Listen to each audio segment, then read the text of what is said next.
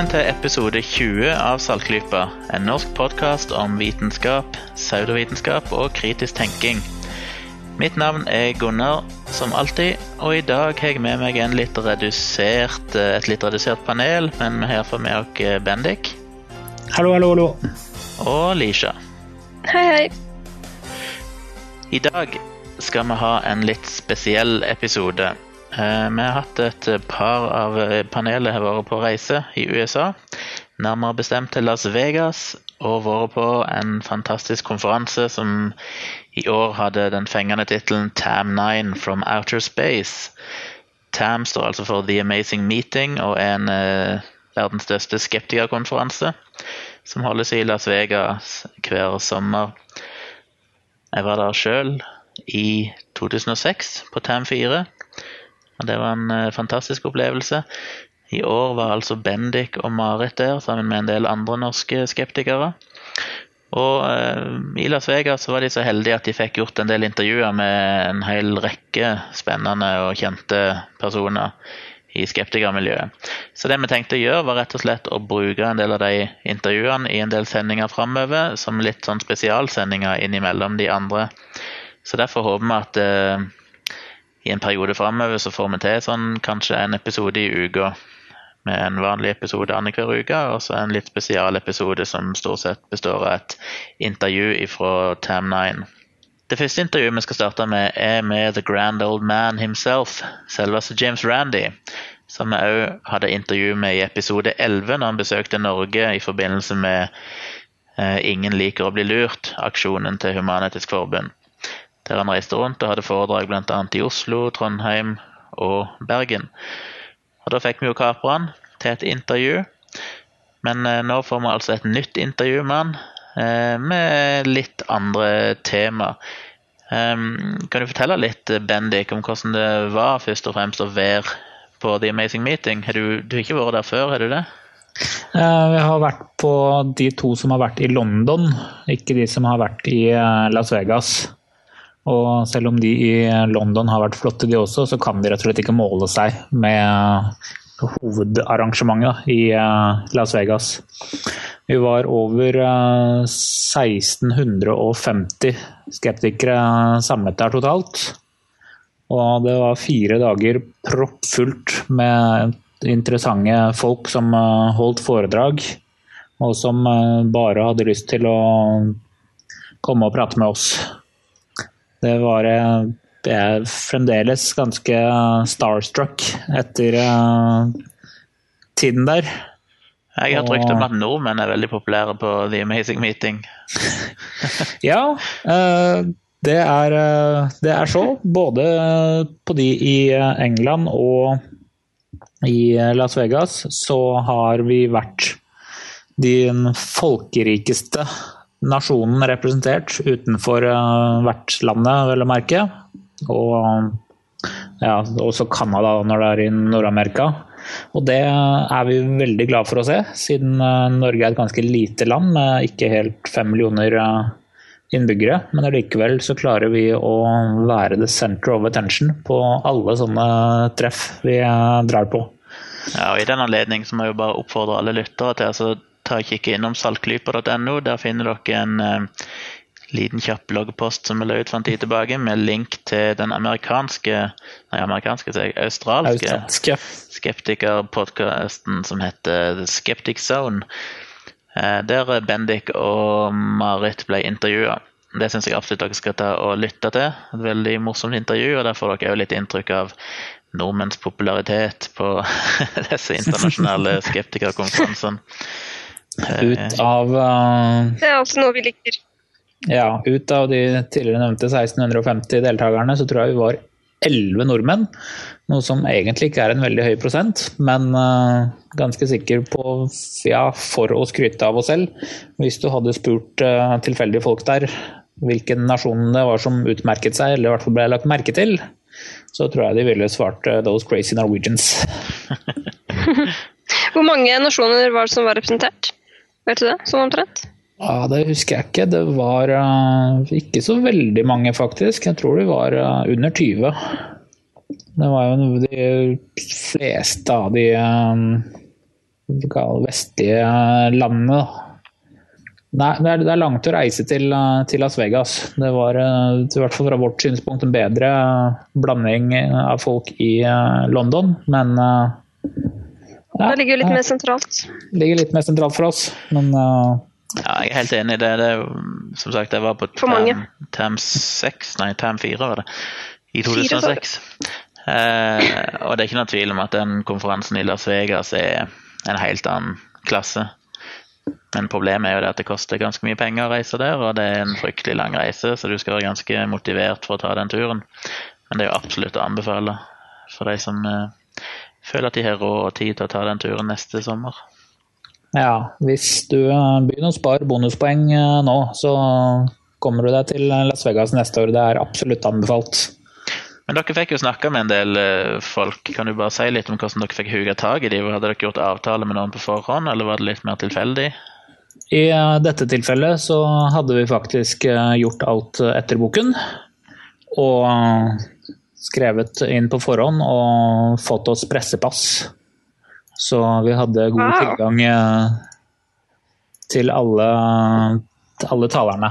Eller vi fikk ikke alle vi, eh, vi fikk ikke prate med alle talerne vi hadde lyst på, for de er veldig opptatte folk, de også. Men vi fikk de fleste, eller veldig mange interessante. Vi fikk vel med oss åtte eller ni gode intervjuer hjem igjen, som vi skal dele med dere utover høsten. Kan du gi oss noen uh hint om hvem dere snakker med, så lytterne vet hva de har å glede seg til. Ja, eh, som nevnt, i dag skal dere få høre på James Randy.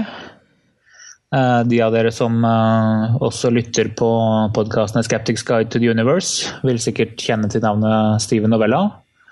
Og tidligere nevnte Richard Saunders fra Skeptic Zone. Han tok vi også en prat med de som uh, har fulgt med i bøkene til, uh, og bloggen til Richard Wiseman, vet at han er alltid en artig eh, person å prate med. Og så prater vi masse med Phil Plate fra Bad Astronomy. Det var hovedfolkene. Men i dag skal vi altså starte med James Randy. Vi trenger vel egentlig ikke introdusere han noe særlig. Han er blitt en gammel mann, 83 år gammel tryllekunstner, og er absolutt den kanskje mest, det mest kjente navnet og den viktigste personen innenfor den skeptiker- og kritisk tenking-miljøen. Han er jo som sagt en tryllekunstner, og den, det talentet innenfor trylling, den kunnskapen han har om trylling, har jo gitt han en spesiell evne til å kunne avsløre sjarlataner og svindlere. Det er ganske fascinerende å se hvordan til og med rutinerte forskere og fagpersoner veldig lett lar seg lure av billige, simple triks, mens han har en tendens til å gjennomskue det, for han kjenner disse billige og simple triksene veldig veldig godt. Så det å være tryllekunstner er faktisk en veldig god egenskap når du skal avsløre triks og lureri innen forskning, annet. Han er jo ja, han har en perfekte bakgrunn. Ja, han er jo veldig godt kjent for denne Million Dollar Prize, som vel starta med 10 000 dollar eller annet sånt, og gradvis har vokst seg opp til 1 million dollar, som han vil gi til eller han eller hans organisasjon JREF vil gi til den som kan påvise eller vise et eller annet paranormalt fenomen under kontrollerte omgivelser. Den eh, har vi leid ute nå i en godt og vel 30 år siden han først eh, la fram det tilbudet. Eller den utfordringen. Ja, pengene tror det er noe sånt nå, ja. ja. Det tror jeg det var på 80-tallet, men det står iallfall trygt på konto fortsatt, de pengene. Som egentlig er veldig synd, for det hadde jo vært fantastisk om noen faktisk hadde sånne evner. Det hadde jo vært ekstremt moro. Men eh, foreløpig så er det ingen som har kommet i nærheten av å vise noen ting paranormalt eller imponerende i den anledning. Så da tror jeg vi bare går i gang og kjører dette intervjuet med James Randy, og så kommer vi tilbake igjen om ca. ei uke med en uh, fullblods vanlig Saltklypa-sending.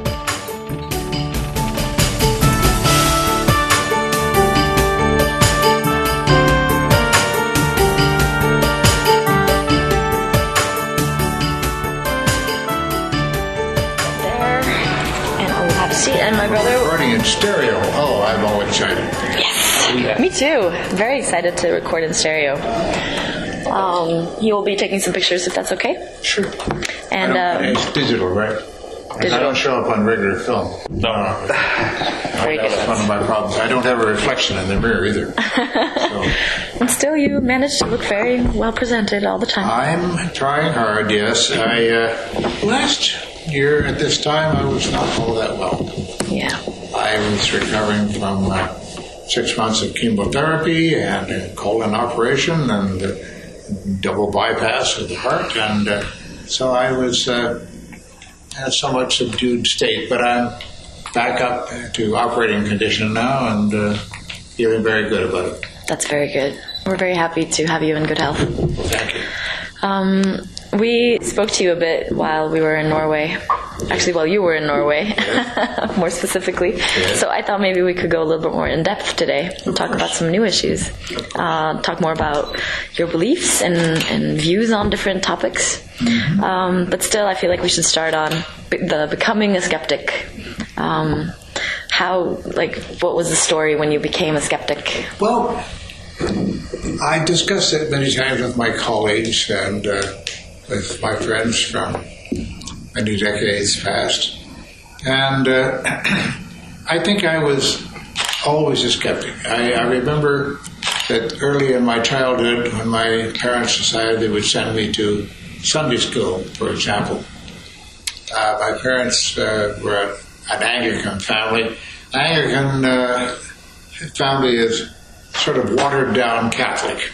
It's not quite Catholic, but uh, all the ceremonies are there and such, but uh, they're not all that serious, and we don't walk around with crucifixes around our necks. But um, they sent me to Sunday school, and I discovered something rather interesting about Sunday school. I uh, went the first week, and I was given 25 cents to put in the collection plate, you see. And that was my uh, offering. And I duly performed that duty, and uh, we went into the Sunday school class, and they started to read to me from the Bible and various other books. And I kept asking questions like, How do you know that's true? And uh, where did that information come from? You know? They didn't want to hear that, and they shushed me up immediately. It's all in the Bible here. It's all in the Bible. You can read it for yourself. But uh, who wrote this book? That- That's written by the hand of God, and you don't ask any questions about that. But this is the lesson for today. Now, concentrate. And I was interrupting all the time, and they thought I was a disturbing element. And they suggested that perhaps the week afterwards I may not want to come back. Well, my parents sent me back the second week. I didn't tell my parents anything about this. I just swallowed it and uh, absorbed it. I went back the second week, armed with my 25 cents. And uh, right off the bat, I started to ask questions and ask for evidence, and proof. And they got angry again. They said, "Now, come on, you're not supposed to be asking questions. It's all in the book here. You just accept it, believe it." And uh, I said, "No, that's." that's now, I was very young. I guess I was about 11 or 12 years of age at this time. And yet I had never believed anything that didn't have sufficient evidence to support it.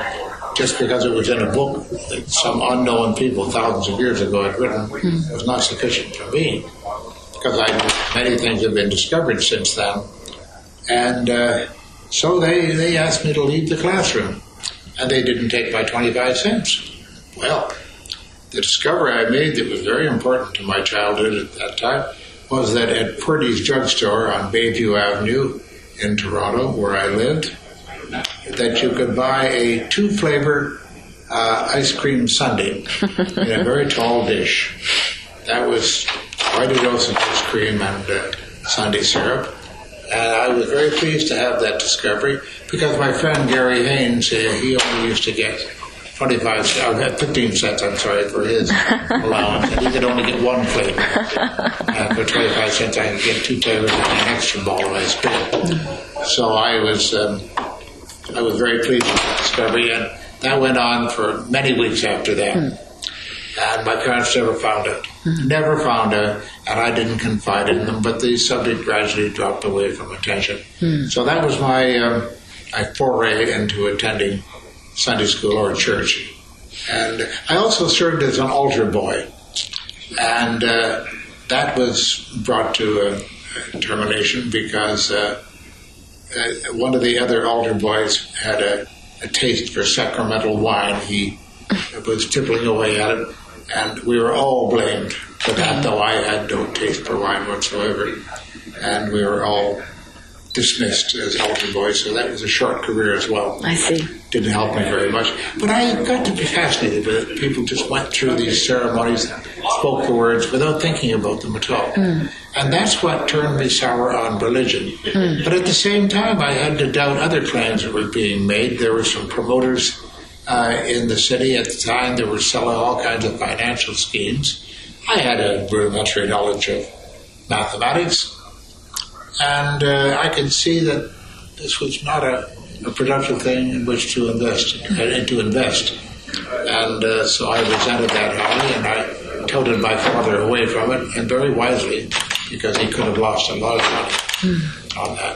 So I've had doubt of so-called experts who teach things that they say are going to help people, and actually help them much more than they help the people.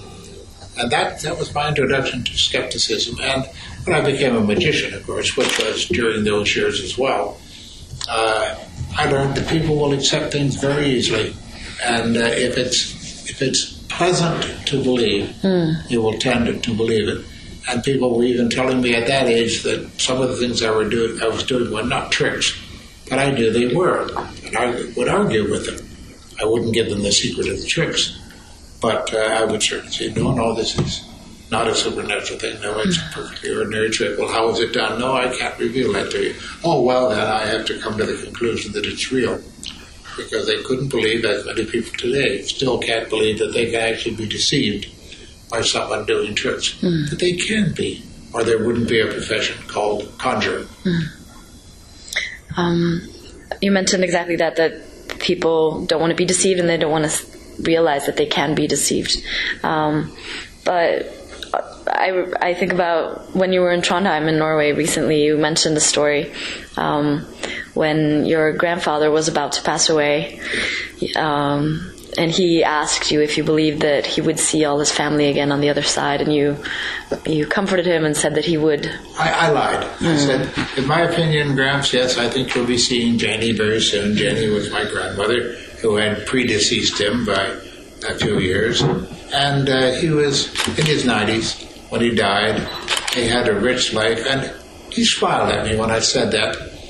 And he closed his eyes and went to sleep, and shortly after that, he died. And I never found out whether he believed me or not, but that was my honest opinion. But I think a, a fellow can lie to his grandfather if it's the last lie he tells. Yeah. I think I could be forgiven for that. If there is any sort of judgment ahead, I'll stand in, in judgment and uh, stick with my story and say that I think it was justified. But what about more? Um, what about larger lies and delusions that people live with, but they live with them to be comforted and to help them lead better lives? Do you do you kind of accept that form of delusion? Well, no, because most of these larger lies lead you to spend your money and invest your emotional stability in the people who are telling the lies. And I find that very reprehensible that people will tell that sort of lies. Uh, and uh, I fight that. I've always fought it all my life and tried to show people where they're wrong. But most people don't want to know where they're wrong for a couple of reasons. For one thing, to find out that they were wrong, they almost have to admit that they're not very smart. They're not very intelligent. And nobody wants to admit that. It's the same as trying to accuse people of not having a sense of humor. You can insult people any way you want, but don't try to tell them they don't have a sense of humor. they will fight you on that very strongly. Yeah. And uh, generally speaking, deception, except for done for purposes of entertainment, and very obviously for purposes of entertainment, uh, can be very damaging because it leads you into a different lifestyle, a different philosophy, different set of beliefs, and that can be damaging to you. Um, so you always seek the truth, even when it hurts. I seek the truth. I don't know that I'm going to attain it because truth is an ephemeral thing. It's something that seems to be hanging up ahead, and somehow you can, from you can approach it, yes, and you can come to an approximation of it. Now, for example, how tall am I? Well, I tell people in, in the American system, which is the British system, which is not metric, and I resent it highly. and I, we can get into why we have the metric system uh, ignored in the United States of America, but that's another matter. Um, I say, when people ask how tall I am, I say five foot five, five feet, five inches, that is. And that's not quite accurate, I'm about five and a half, maybe five and three quarters, but I've uh, got scoliosis lately, curvature of the spine, and uh, a few things like that that have decreased my height by a few inches, and I'm well aware of that. But is that a lie to say that I'm five foot five inches, but I'm actually five foot five and a half inches? No, it's close enough for the for the question that's being asked. No, that's why I object very strongly to gasoline prices in this country. They'll say three dollars and sixty nine cents and nine tenths. Come on. Yeah. What's one tenth of a cent on a tank full of gasoline? It doesn't even amount to one cent in some cases, uh, but it sounds cheaper. And that's the, you see so many prices for a per coat will be uh, nineteen thousand nine hundred ninety nine dollars and ninety nine cents.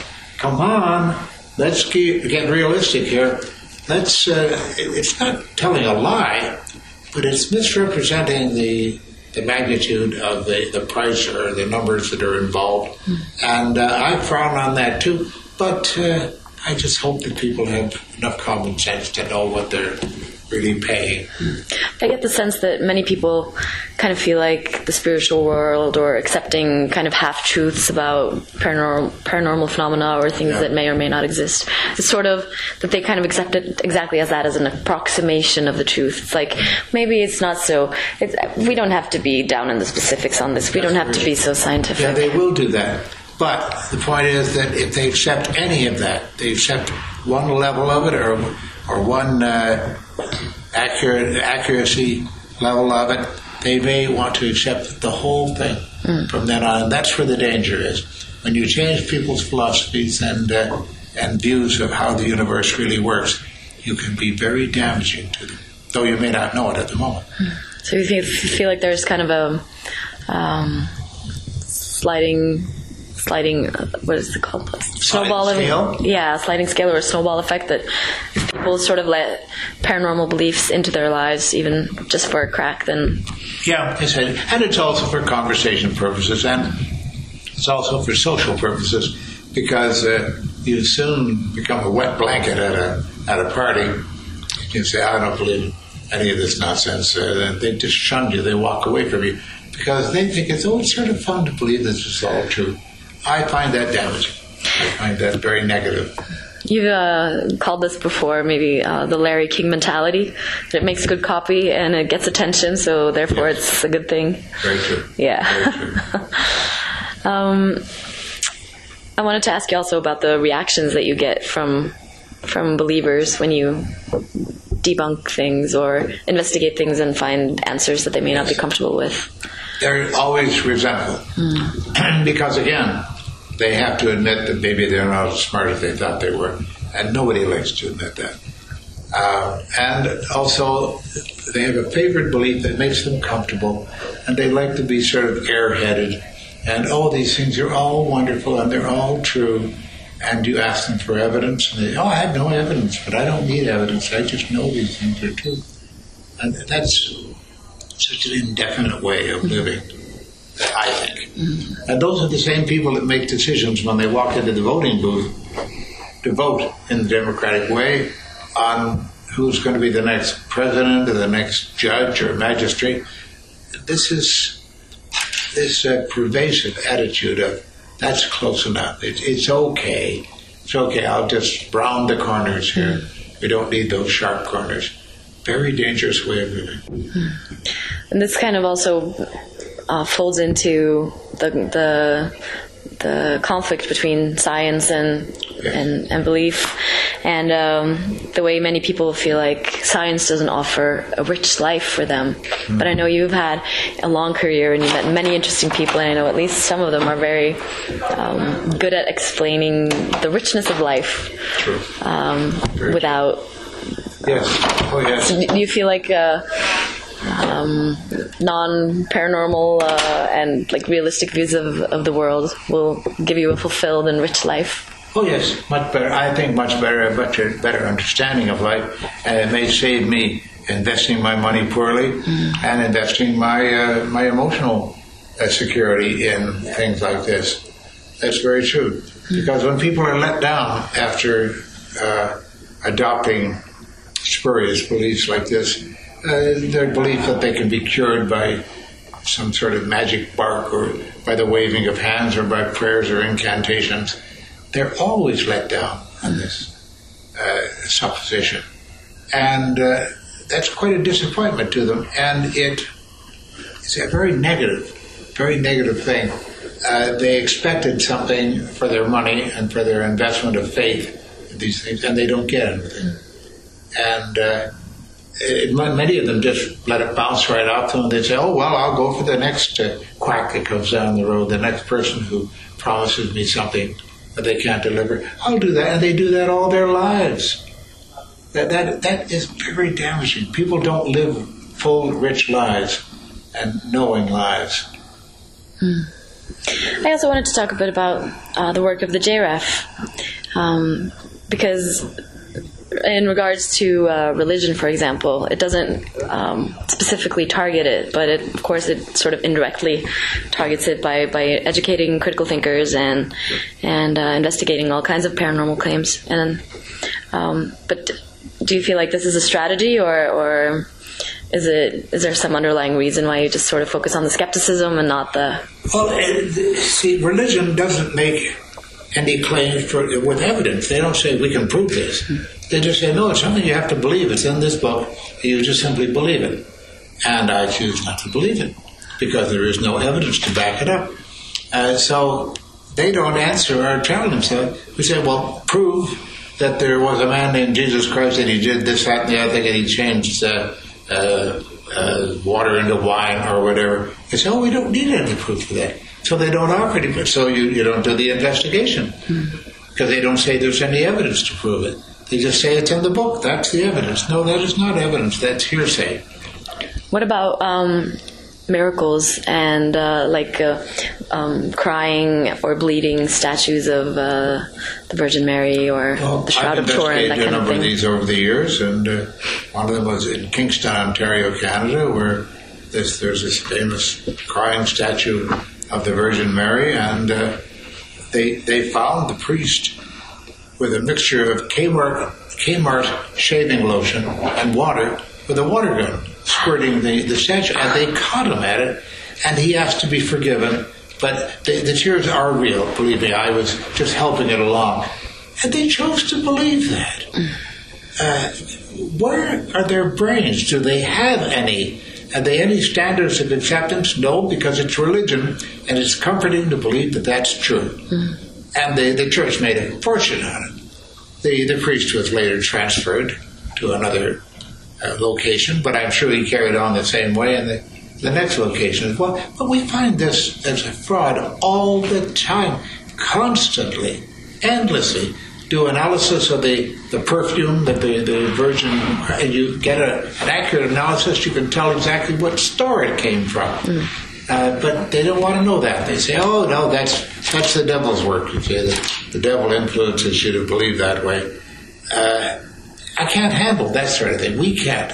The JRF and, and any logical authority can't handle that kind of thing because there's no logic in it. They are not fighting fair. They're just uh, declaring something to be so based upon absolutely faulty premises. Uh, moving on to the million dollar challenge, now we need to mention that as well, of course. Uh, I uh, I heard that um, there's never been a formal request for the bank statement that states that you have the money. And this is something that the non-believers or the believers of the paranormal often will refer to that the money doesn't exist or anything like that. wow. If, And- if they're interviewed by the press, that's what they say right out. that There's no such box. Actually, recently during this campaign in Norway, we had the same thing. There was a discussion on the forum, on a forum, and uh, several people said that the money didn't exist, and the skeptics would refer them to the right bank and give them the phone number and everything, and they still said, "No, no, I don't need to call this number because I know it's not there." Yeah. Um, why do you think people behave like this? Because they're not very smart. or let's put it differently, they're stupid. We've got the evidence, we will offer it to them if they will ask for it. That's all. We can't find out everybody who doesn't believe in the challenge and mail them letters. That would cost a fortune. And they would tear the letters up anyway and they'd ignore them. So what's the point in it? Hmm. If people want to be stupid, they have a right to be stupid. Hmm. That's guaranteed by the Constitution of the United States, and I'm sure in Norway that is a natural right of any citizen to be stupid. Unfortunately, so yes. but but don't you also think that there are a lot of people who are sort of seemingly book smart, or or in some way they sort of they know a lot of things, but they just sort of don't put it all together in They don't the. put it together, that's right. They don't apply it. Now, many, many people, I, I know many skeptics that are attending this conference right now, today, uh, who are avowed skeptics, but it stops at religion. That's and we don't preach anti-religious uh, premises because they don't offer any any evidence. We can't examine them. We can examine anything for which evidence is offered. We can falsify it if it needs to be falsified or it can be falsified. But if you don't offer any proof, this is just a belief they prefer to have, and they're more comfortable with it. There are also people who uh, claim that the terms of the challenge, that when they are trying to uh, set down the terms of the of the initial tests, that the terms that are proposed are impossible to meet. That the criteria for the statistics are way too strict, or anything like that. How do you? They don't understand. You see, the statistics. There are two stages to the challenge. The first is the preliminary stage where they just have to uh, state what they can do under what conditions and with what accuracy, which is the thing that most of them can't do anyway. They, they can't get a concise statement together to say that. But if they do, then the uh, we set odds of about one in one thousand against chance. Now, if a fellow says he can play the violin, and he owns a violin and he's taken lessons, there's not much chance involved. Either he can play the violin or he can't. I'm not saying well or anything, but he should be able to play a simple tune. Uh, so the chances of him being successful in that test are pretty good because he has this talent, or can do mathematics or whatever the the, the claim is that he can do these things. Um, but when it comes to uh, a chances of one in one thousand, that is set only against a fluke, uh, an accidental success, and uh, no one has ever passed uh, that that standard ever. And people have always. That's the interesting thing. They have always scored well within the range of what it should be by chance alone. Now, I can't go into all the statistics of it, but one of the folks that's here is Chip Denman, who is a scientist who practices the art of statistics, and he's renowned for it. Uh, and he acts as our official statistician, and he works out the, the probabilities and the likelihood of these things uh, working. And uh, one in one thousand is not too much uh, odds to ask them to beat just by some sort of fluke. And um, then, if they pass that, of course, they will go on to the second stage where the chances will be about one in a million to win a million dollars. and nobody has ever gotten to that point yet. No one has ever passed the first stage. Uh, but as I say, the interesting thing is they have all scored within that margin of what chance alone would show. Um, and in in uh, all your work is this uh, in uh, in investigating all these claims, um, you uh, shy away from the term of debunker. Maybe you could talk a little bit about Yes. why. Uh, to be claiming that you're going to debunk something would imply very strongly that uh, you have already made up your mind that this is not true. I can't afford to make up my mind that this is not true any more than a scientist investigating a claim of some phenomenon uh, can assume to start with that the phenomenon is false, that it's not true. You can design tests that will show whether or not the phenomenon is, is true, but you must go into it with a neutral point of view. Now, I'm not a scientist, so I'm not, and I'm not an academic, so I don't have this constraint, but I put this constraint on myself. Uh, if it turns out to be an investigation uh, that, that shows that there was cheating going on, or uh, in an attempt to, to win the challenge, or that there is no uh, phenomenon there to exist, well, then it may end up being a debunking. But we don't set out to debunk, we set out to investigate. So I don't accept that term. I don't want anyone to think that I'm predisposed to believe already that there's nothing in this claim. Mm. Uh, moving back a little bit to uh, to religion again, um, how do you feel about organized religion compared to just personal beliefs that people have that are not, I don't know, manifested in public life? Well, first of all, I'm highly suspicious of organized religion because there must be people within these organizations that know that what they're preaching is false and that the history of the organization has been falsified and uh, and fictionalized. Uh, so uh, I, I, highly resent that fact, of course. But uh, I think both are under the same gun. There is no evidence to support personal belief in these things. I mean, they may have anecdotes that they will tell you, but uh, in many cases we find out the anecdotes are grossly exaggerated uh, when we can get the evidence, but you can't always get the evidence on it. Hmm. Now, in my personal experience as a magician, I know that I have recounted stories to reporters such as yourself, uh, in all honesty, believing that I was telling you the actual facts. Uh, for example, I uh, the very first jailbreak that I ever did as an escape artist, as a magician, uh, was done in um, Quebec City, in the province of Quebec, Canada, and it was in response to a challenge of two policemen if I if I could get out of their handcuffs. Now, handcuffs are a relatively simple lock and I already had knowledge of these simple locks.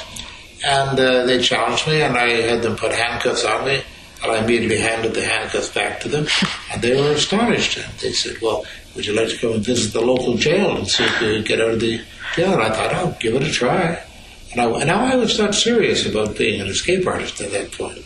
But I went out of the jail, and it was a very, very simple uh, local uh, municipal jail and it only had two cells, and the locks were very simple. They were simple, what do we call tumbler locks, and they were very easy to defeat. And uh, they locked me up in a pair of handcuffs and a pair of leg irons, and they locked the cell. and They walked away, and a few minutes later, I walked out with the handcuffs open and the leg irons off, and uh, with the cell door open, because it was not a difficult job for me to do. I have that specialized knowledge, and. Uh, but that wasn't any miracle. It was due to my specialized uh, knowledge of these things, you see. And uh, I recounted this to my biographer.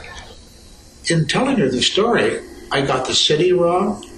I got the season wrong. I said there was snow on the ground. It was in July. Even in Quebec, Canada, snow doesn't fall in July, I believe. And I got so many other small details. The story itself was not false. I did escape from the jail. And the headlines the next day said in the Quebec Soleil, the local French newspaper, it said, uh, L'étonnant Randi s'évade de la prison de Quebec, which means the astonishing or the amazing Randi escapes from the Quebec jail. And uh, I had never used the term amazing before. I was always the great Randi or the great Randall. And uh, from that moment on, I became the amazing Randi because I liked that title and I had a newspaper article to prove it. Yeah. but uh, that, but it shows, shows you the story is not wrong. I did the jailbreak that way, but my biographer sent me the newspaper clipping of it, and I was amazed. I couldn't uh, deny a newspaper article printed in the newspaper at that time, right after the event, because it made some news in the local newspaper. But I was quite surprised to find out that I could tell a story incorrectly like that. Not basically. The facts were still correct, except wrong city, wrong date, a few things like that. It is strange how the brain works. It is, or it doesn't work. Right. Um, just to round off, we are sitting here at TAM and uh, having a wonderful time. Uh, so, how how much do you love TAM as as an event? Oh, that's that's a loaded question right there. I, I can tell you that uh, TAM is such a great satisfaction to me because I have the opportunity of meeting people like yourself, for example, honestly interested in knowing what makes me tick and what makes this organization tick. And in doing that, you will begin to understand how the public thinks about these things too. And I always welcome that opportunity to pass on that uh, that knowledge. Uh, the first time we held, which is more than 10 years ago, was in Florida, and we had 88 people showed up. Wow. I looked at that audience and said, wow, 88 people just to hear what we've got to say about skepticism. Well, tonight when we enter the auditorium, there will be 1,600 people there. That's a rather considerable increase, and it has been on an exponential curve ever since that moment more than a decade ago. And uh, I'm very gratified by that. The problem is, I think we have to build another casino, a bigger casino than this one, in order to hold our next meeting next year. So we better start laying bricks right now. I think it would be a good idea.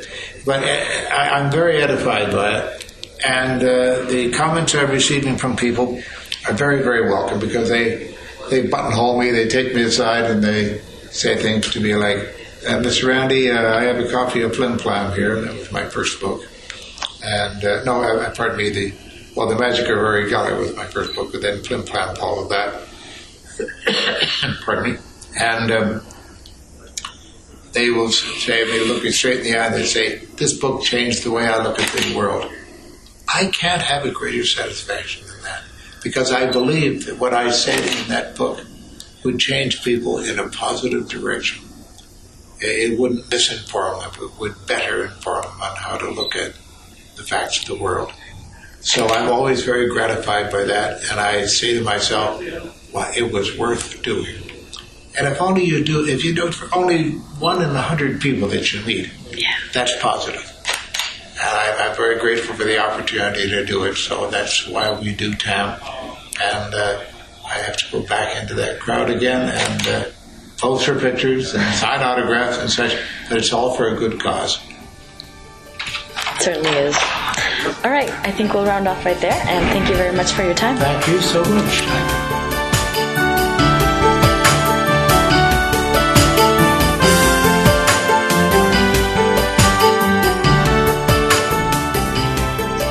Vi har noen spennende anbefalinger til dere denne uken her.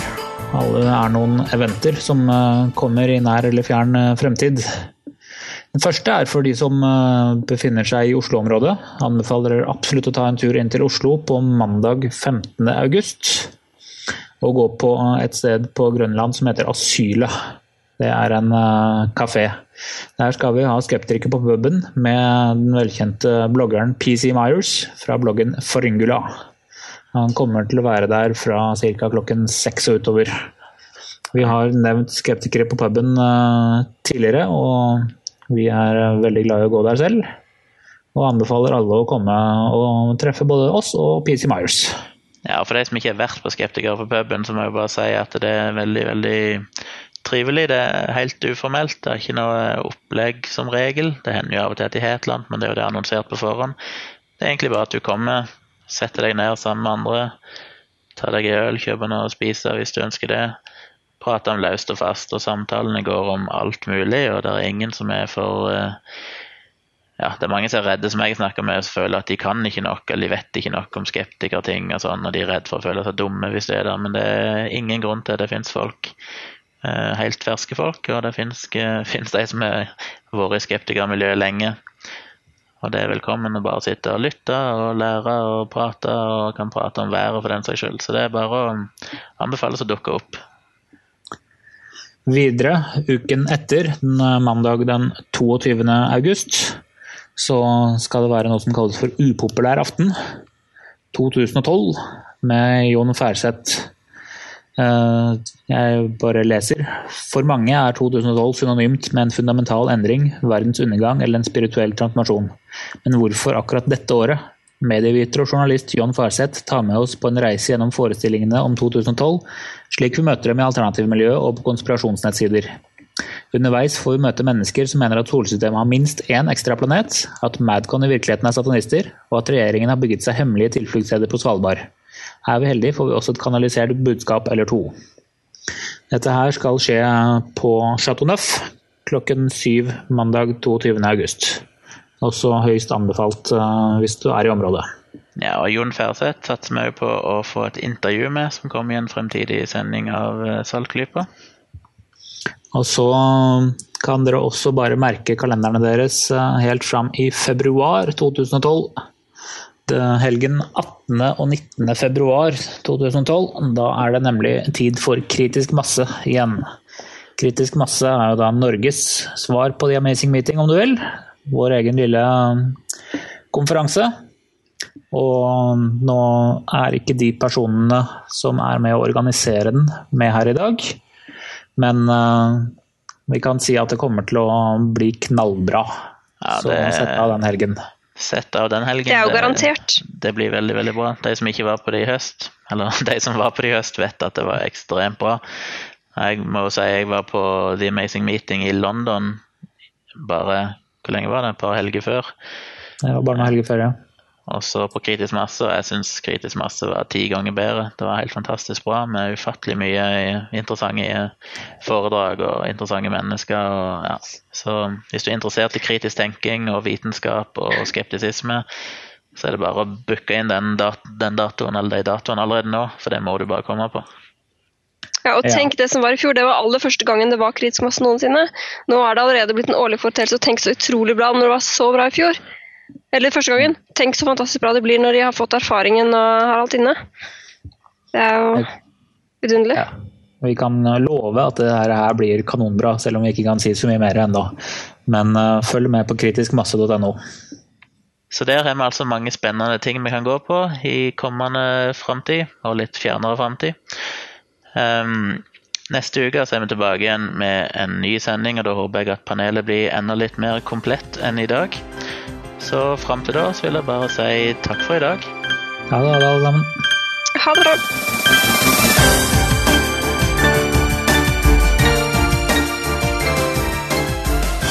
Saltklypa er en norsk podkast som tar for seg vitenskap og pseudovitenskap i samfunnet med et kritisk blikk. Podkasten produseres og drives på frivillig basis, helt uavhengig av noen organisasjon. Vi vil gjerne høre fra deg. Har du spørsmål eller kommentarer, kan du sende oss en mail, legge igjen en talebeskjed på Skype, eller skrive en kommentar på nettsida. Informasjon om dette, samt linker og notater til det vi snakker om, finner du på saltklypa.no.